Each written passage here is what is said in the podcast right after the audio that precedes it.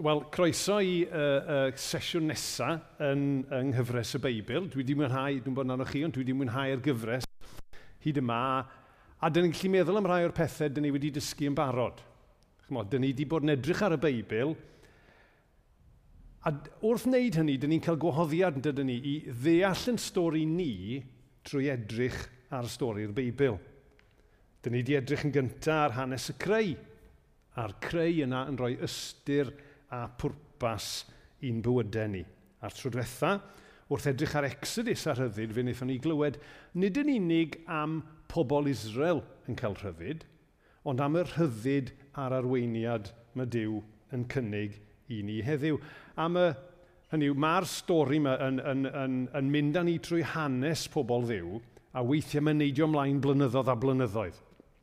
A ar un olwg, ar ddiwedd y sesiwn dwytha, os ydyn ni'n edrych yn trefn amser, oedd pethau'n edrych ar ei fyny i bobl Israel. Oedden nhw'n cael dianc. Oedden nhw'n cael, cael mynd yn ôl adre i wlad yr addewid, a pob dim yn edrych yn ffain. Ond wrth gwrs, nid rhyw ffilm Disney lle mae pawb yn byw yn hapus oedd bywyd pobl Israel. A ddim dyna ydy'n bywydau ni chwaith dim rhyw fyd happy ever after, dyn ni'n byw yno fe, na gyfe. Dyn ni'n gwybod hynny'n iawn o'n weithiau, dyn ni angen ein hatgoffa. A dyn ni angen ein hatgoffa o'r peth yn arbennig dyddi yma yng nghyd-destun y cyfryngau cymdeithasol. Chymo, dyn ni'n edrych ar tudalennau Facebook pawb arall a dyn ni'n gweud, waw, yn tydi bywydau nhw'n gret achos maen nhw wedi cygwared o'r spots i gyd, a mae pawb yn gwenu'n ddel, a mae'r filters di bob on, dyn ni'n ni, ni licio'r filters yn dydyn, a dyn ni'n meddwl fod bywydau pawb arall yn hyfryd, a wedyn dyn ni'n edrych ar yn bywydau ni, a dyn ni'n meddwl, hello, mae rhywbeth ar ongen o'n ni. Ond y reality yw, mae filters ydyn nhw.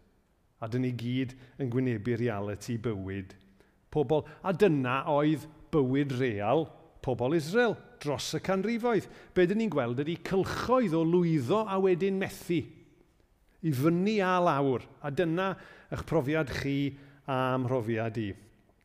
Nawr, yn fel o'n i'n gweud, yn ôl yn yr Exodus, oedden ni'n cael gweld nhw'n dod yn rhydd, ond mae yna flynyddoedd, mae yna gannoedd o flynyddoedd wedi pasio nawr, a dyn ni'n ail ymuno efo pobl Israel tua 600 o flynyddoedd cyn Christ a maen nhw wedi cael eu concro eto, unwaith eto. Maen nhw wedi cael eu concro a'r tro yma, maen nhw wedi cael eu cludo i Babylon, lle mae Irac nawr. Maen nhw ymhell o'i gwlad ei hunain yn Babylon. Oedd y gweilod wedi disgyn allan o'i bywydau nhw. Pob dim cyfarwydd wedi mynd Jerusalem a'r deml ymhell, oedden nhw ar goll. Gwndewch ar y geiriau yma o Salm 137. Wrth afonydd Babylon, dyma ni'n eistedd ac yn wylo wrth gofio am Seion. Dyma ni'n hongian ein telynau ar y coed poplus yna. Roedd y pobl oedd yn ein dal ni'n gaeth eisiau i ni gannu, a'n poenydwyr yn ein piwsio i'w dyfyru. Canwch un o gyneuon Seion i ni. Sut allen ni gannu caneuon a'r arglwydd a'r dir estron. Maen nhw mewn lle anodd. Maen nhw mewn lle dierth, maen nhw'n alltid go iawn.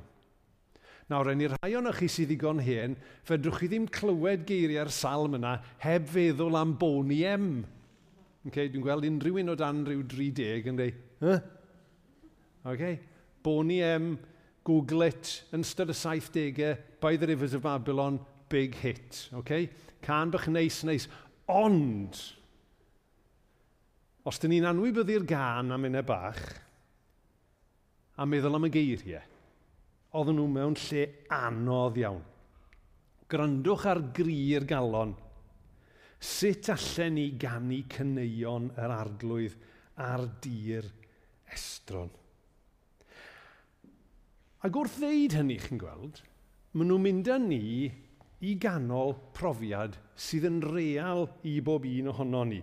Teimlad bod ni'n mhell o lle dyliau ni fod. Bod pethau ddim fel y dyliau nhw fod. Bod pethau anghyfarwydd o'n gwmpas ni.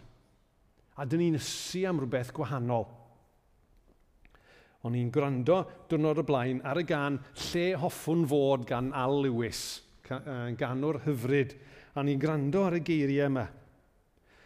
Gwelais i lawer wyneb gwag yn lliwio'r strydoedd, yr anrefn pyr sydd yn gyson gyr ymysg y miloedd. O daw ddim cysur o wen dieithiaid sy'n rhy brysur. A gwn yn awr bod yr amser pryn yn mynd yn segur, a wedyn mae'n canu dychwelyd yn ôl i lle hoffwn fod, gobeithio na dwyf llawer i hwyr. Mae'n ysu am rhywbeth a mae'n meddwl bod y peth na i'w gael adre. Mae eisiau mynd adre, mae mewn lle diarth a mae eisiau mynd adre. A os dyn ni'n onest, dyn ni gyd yn ysu am rhywbeth fel yna. Falle bod gynnon ni ryw deimlad uh, neu ryw sefyllfa lle dyn ni'n teimlo'n fodlon a dyn ni eisiau mynd yn ôl i hynny. Nawr, wrth gwrs, fel Cymru, dyn ni wedi gwneud diwydiant o'r peth bron iawn, so sôn am hiraeth drwy'r amser. A mae'n y gyneuon di sgwennu amdano fe. Dyn ni hireithi am rhywbeth arall. Ond y gwir yw, mae yna rhyw ddehea dwfn ym mhob un ohono ni i brofi rhywbeth gwahanol, i brofi rhywbeth gwell. Rhyw deimlad bod y byd fel y gymau ddim fel y dyliau fe fod a mae'r teimlad hynny wrth wraidd pwy ydy ni. A weithiau, dyn ni cael rhyw flas o rhywbeth. Mae'n rhywbeth yn digwydd. Felly bod chi'n gallu meddwl nawr adre neu yma am ryw ddigwyddiad, ryw le, ryw amser pan byddwch chi efo rhyw bobl, pan byddwch chi'n teimlo, mae yna rhywbeth da yn fan hyn. O'n i'n trio meddwl am enghraifftau. Un dwi'n cofio ydy, dwi'n cofio oedden ni wedi bod ymhell fel teulu ar yngwyliau rhyw dro, a gyrru adre yn y car a hithen dywyll.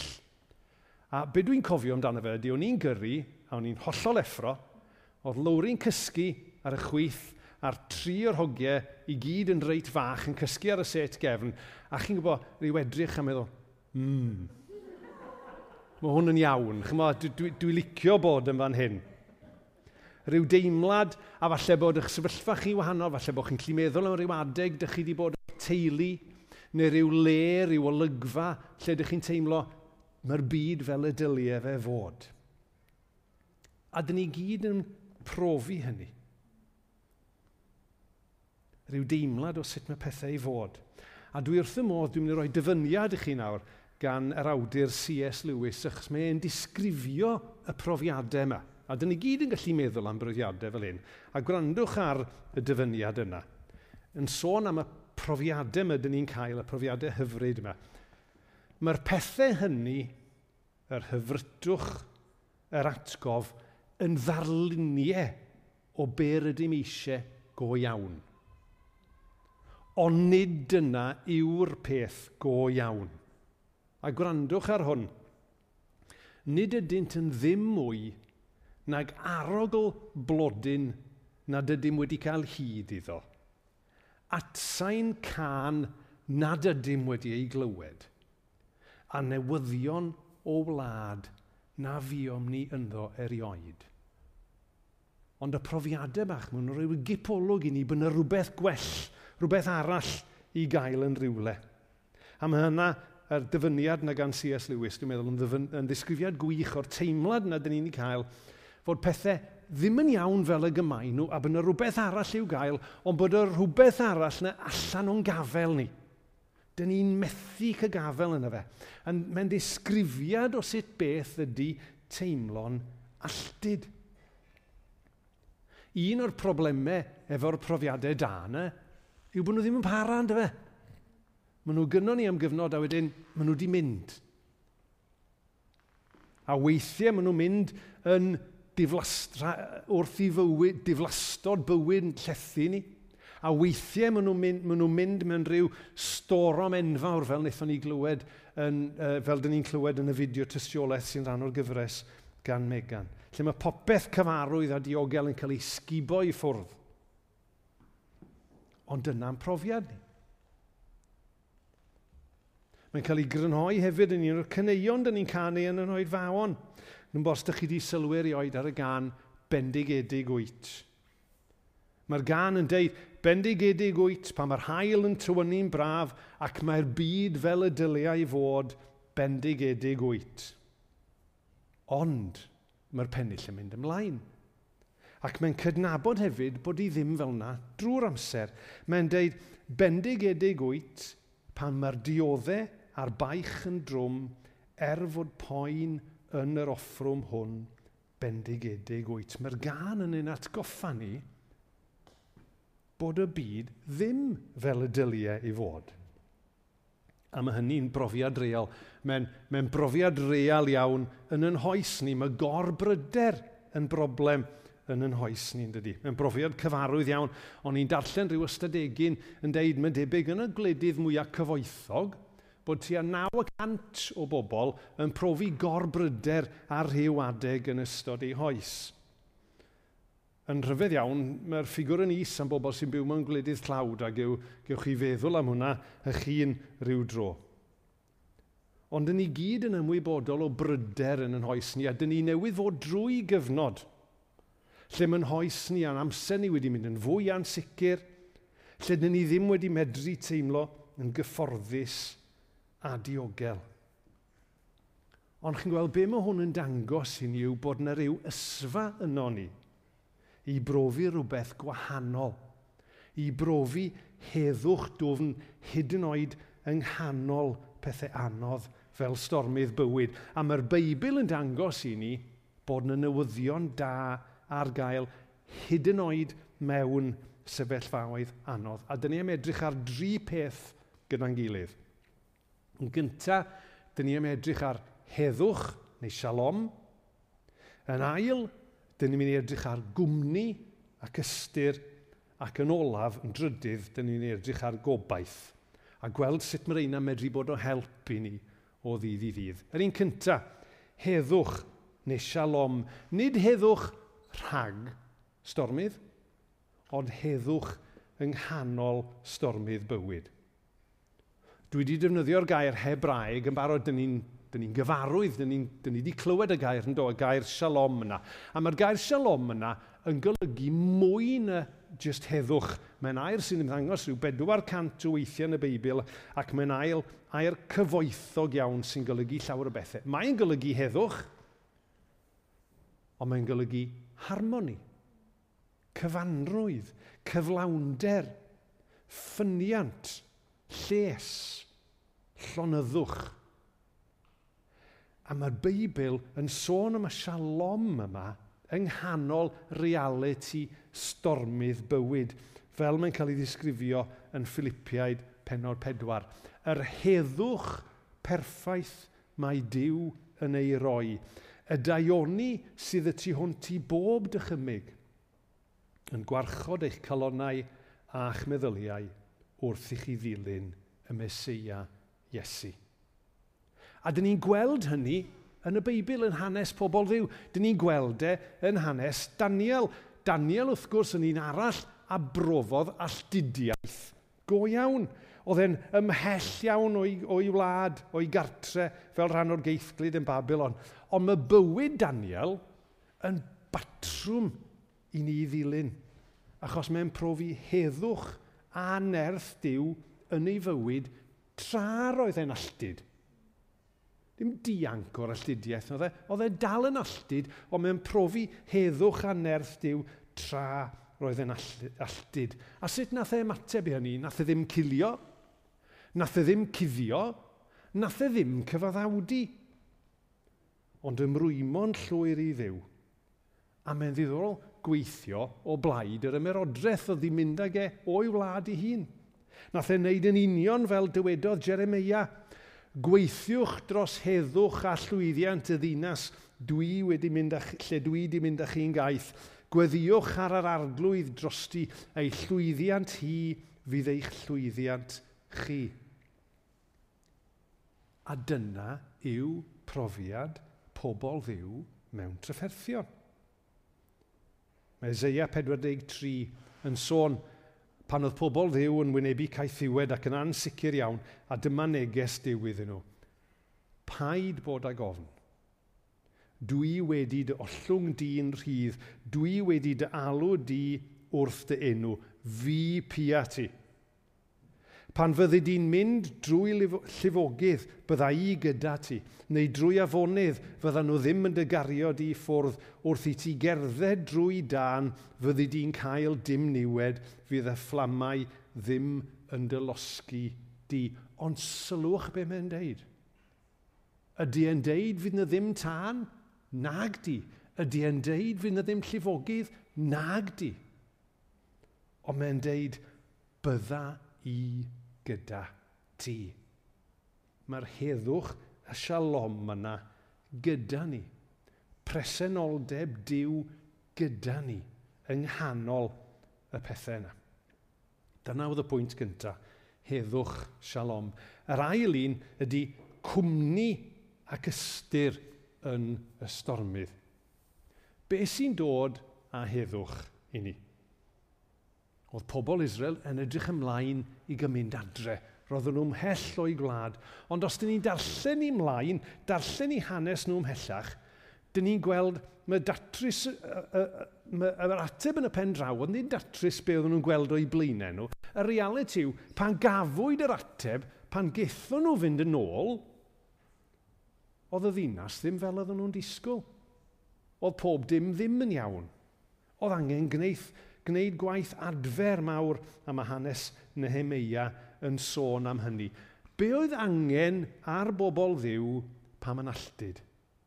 A beth sydd angen yno chi a fi pan dyn ni'n teimlo'n alltid a chwythig bod pethau ddim fel y dylia nhw fod. A'r ateb yw, heddwch diw, eisiau lom ef, cwmni.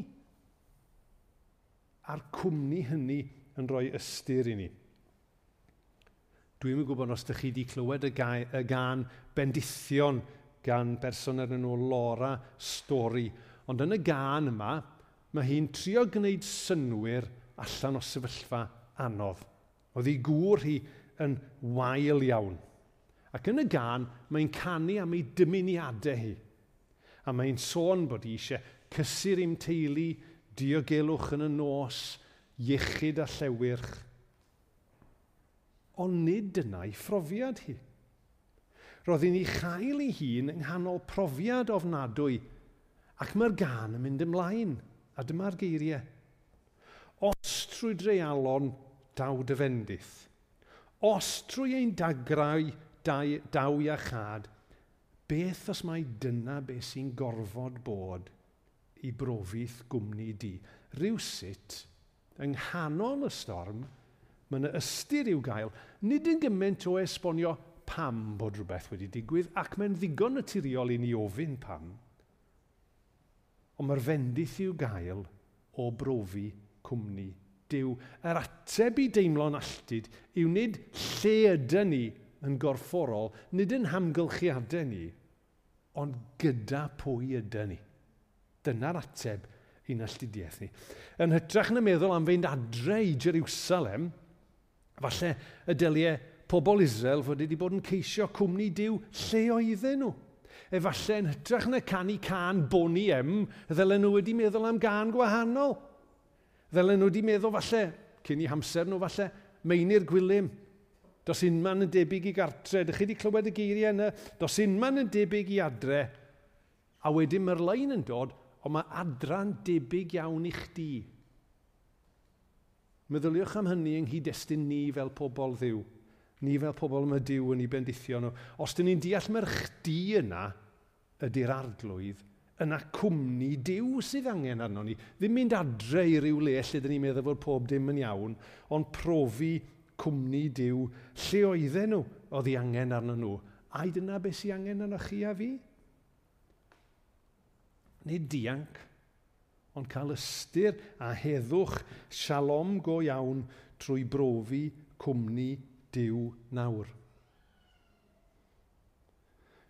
Dyn ni'n gyfarwydd iawn am gymeriadau eraill brofodd alltudiaeth. Dyn ni'n gyfarwydd iawn a siadrach, mesach ac abednego. Chi'n gofio, yn gwrthod plygu ac yn cael ei lluchio i'r ffwrnes.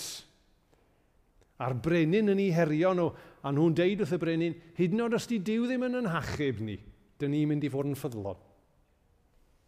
Be brofo nhw? Cwmni diw. Tri oedd yn y ffwrnes, ond siap pedwar oedd i'w gweld yn y ffwrnes. Achos oedd diw wedi dod atyn nhw i fynd gyda nhw yn llythrenol drwy y fflamau. Dyna oedd yr ail bwynt, cwmni ag ystyr. A'r trydydd pwynt ydy gobaith – Mae'n debyg tysach chi a fi wedi gofyn i bobl Israel ar y plyd be oedd ei gobaith nhw. Falle mae ymateb cyntaf nhw fydde pa obaith. Dyna ni'n styc. dyna ni filltiroedd o lle dyna ni fod. Dw pa obaith. A wedyn tysach chi wedi holi mhellach, falle ddyn nhw wedi deud, wel yn gobaith ni wedi cael mynd adre. Ac wrth gwrs, oedden nhw wedi cael proffwydoliaeth Ezeia, uh, Jeremia yn hytrach, oedd yn deud, mae am 70 mlynedd y bydde hynny yn para. Ond fel dwi wedi deud, a'i dyna'i gobeith nhw go iawn?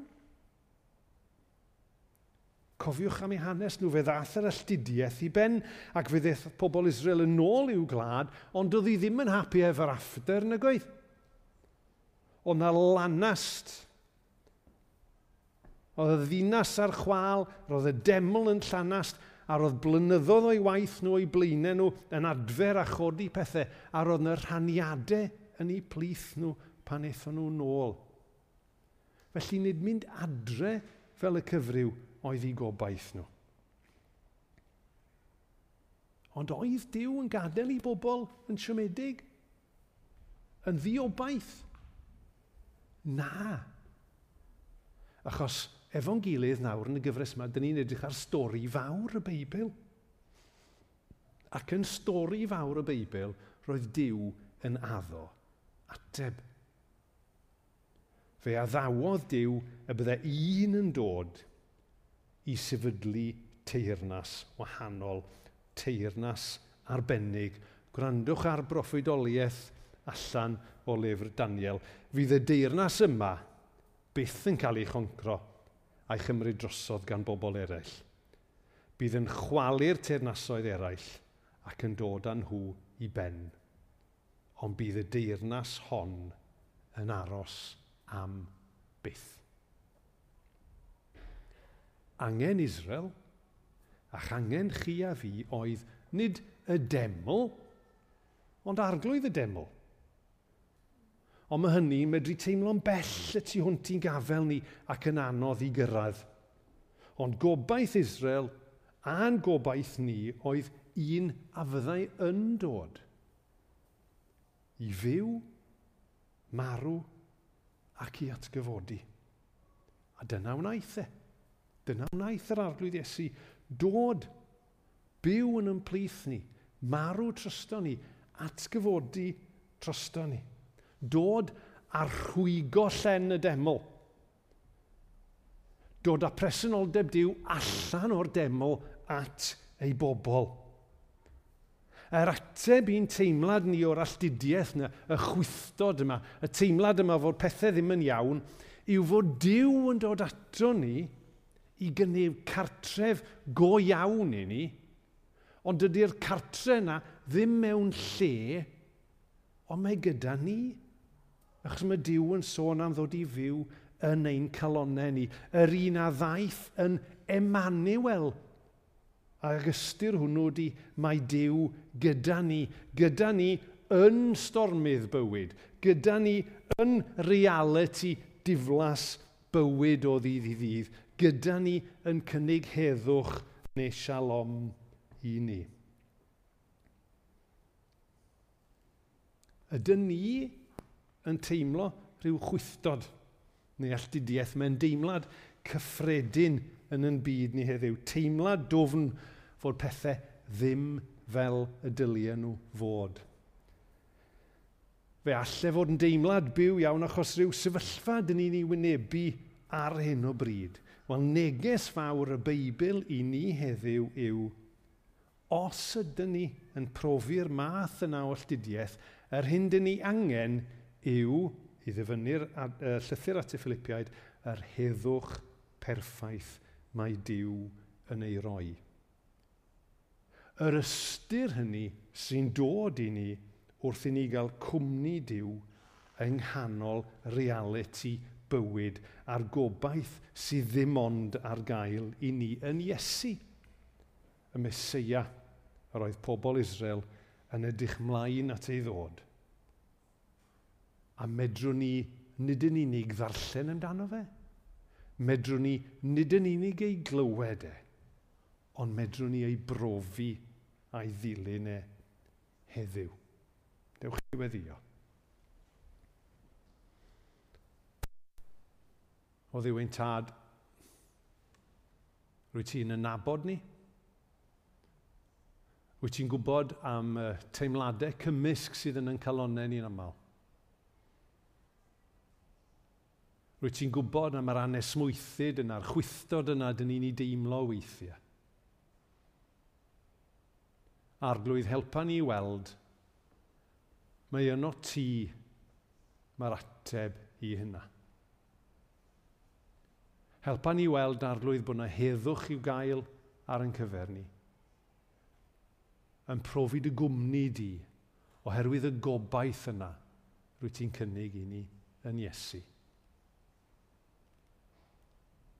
Arglwydd helpa ni fod yn agored gyda ti, ond helpa ni fod yn agored i ti hefyd. Dysga ni a helpa ni fyw arglwydd er mwyn dy enw. Amen.